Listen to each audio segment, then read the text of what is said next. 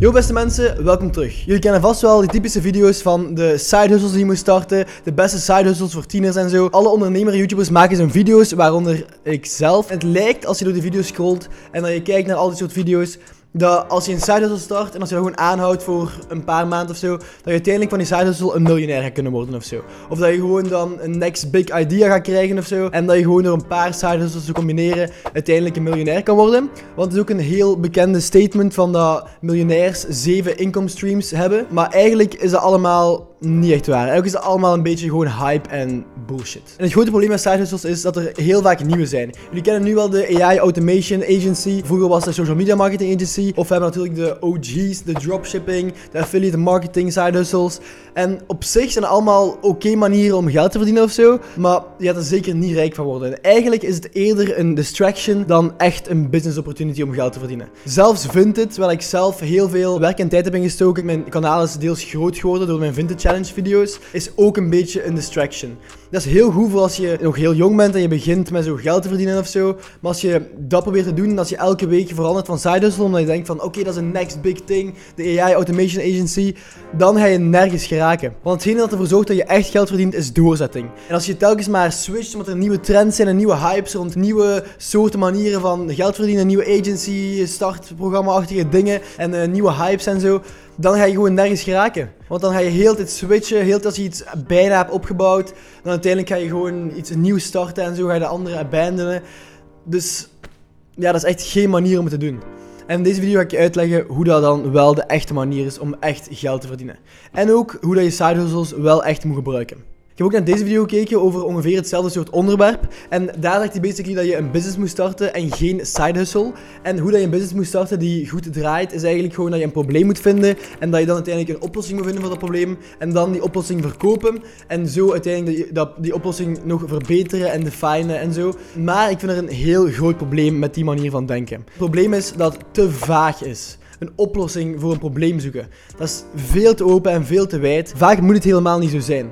Want het probleem met zijn manier van denken is dat als je een probleem probeert te zoeken of zo, dan ga je denken dat dat heel groot moet zijn. Dat bijvoorbeeld zoiets moet zijn dat miljoenen gaat impacten. Bijvoorbeeld Uber. Iets dat super makkelijk maakt voor mensen om een taxiservice te bellen en te, te boeken en zo, zonder dat er zo altijd verschillende mensen moeten zijn, verschillende taxiservices. Het maakt het leven zoveel makkelijker. Of bijvoorbeeld Amazon die het probleem oplost van alles gewoon verzonden kan worden naar je huis. Snelle verzending, snelle levering, alles goedkope prijzen en zo. Dat is een heel goed probleem dat opgelost wordt. En meestal als je zelf gaat denken van wat is een probleem dat ik kan oplossen, dan begin je automatisch te denken aan een groot probleem. Maar het moet eigenlijk echt helemaal niet zo complicated zijn. Want ja, je kan een probleem zoeken om op te lossen, een simpel probleem. En hij had het voorbeeld gegeven van een Aziatische mevrouw in New York. En ze vonden dat er daar geen goede theeshops waren. Dus wat ze besloten, ze besloten om een eigen theeshop te maken online. En dan thee te importeren vanuit China naar daar. En zo uiteindelijk een eigen kwalitatieve theeshop te maken. Dat is heel mooi gezegd en heel mooi gevonden. Een heel mooi voorbeeld ook. Maar het beste wat je kan doen om te beginnen is eigenlijk gewoon andere mensen hun businessstrategie nadoen, zeg maar. Gewoon om te oefenen, zeg maar. Want een business, een clothingbrand dat ik heb, dat is ook niet het uniekste business idee. Super veel mensen hebben een kledingmerk. Iedereen probeert het misschien wel eens. Want het enige wat er echt uitspringt is hoe dat je het doet. En niet per se wat dat je doet. Als je bijvoorbeeld heel graag een café wilt openen, dan is dat ook niet per se het meest unieke probleem dat je oplost of zo. Het is niet iets crazy, een heel probleem, een oplossing en dan een oplossing verkopen en zo.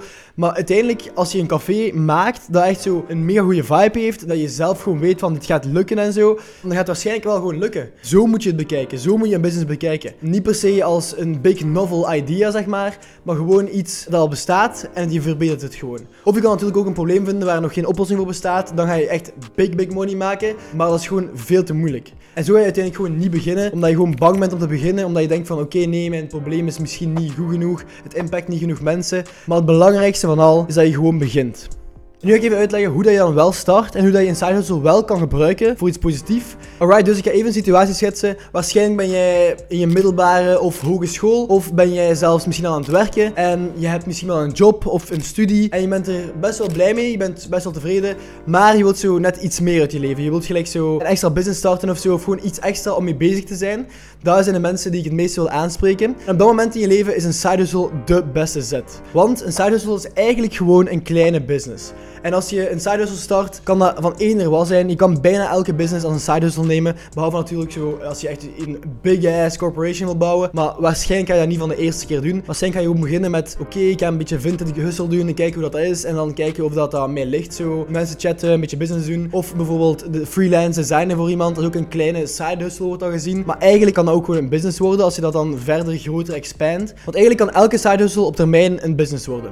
Je moet gewoon beginnen met experimenteren met side. Dit is waar side heel, heel belangrijk zijn. Want experimenteren is zo belangrijk. Als je direct springt in, huppakee, ik fully voor een social media marketing agency. Ik start een agency, ik koop allemaal camera's, ik ga wat mensen inhuren en zo. En dan uiteindelijk blijkt dat je het echt gewoon vreselijk vindt om te doen. Dan is natuurlijk ook een heel grote verspilling van tijd en geld en werk. Dus het beste om te doen is een side hustle starten. Een paar weken of maanden daarmee bezig zijn. Kijken of je het leuk vindt. Als je het niet leuk vindt, zo snel mogelijk stoppen ermee. Want dan heb je dat ook al gehad. Dan weet je van oké, dat is niet meer voor mij. Bijvoorbeeld Als je dat echt gewoon vreselijk vindt om mee bezig te zijn. Producten te zoeken, mensen chatten, retours, suppliers, al die stuff. Als je dat echt niet leuk vindt, doe dat dan gewoon niet. Dat is niet voor jou.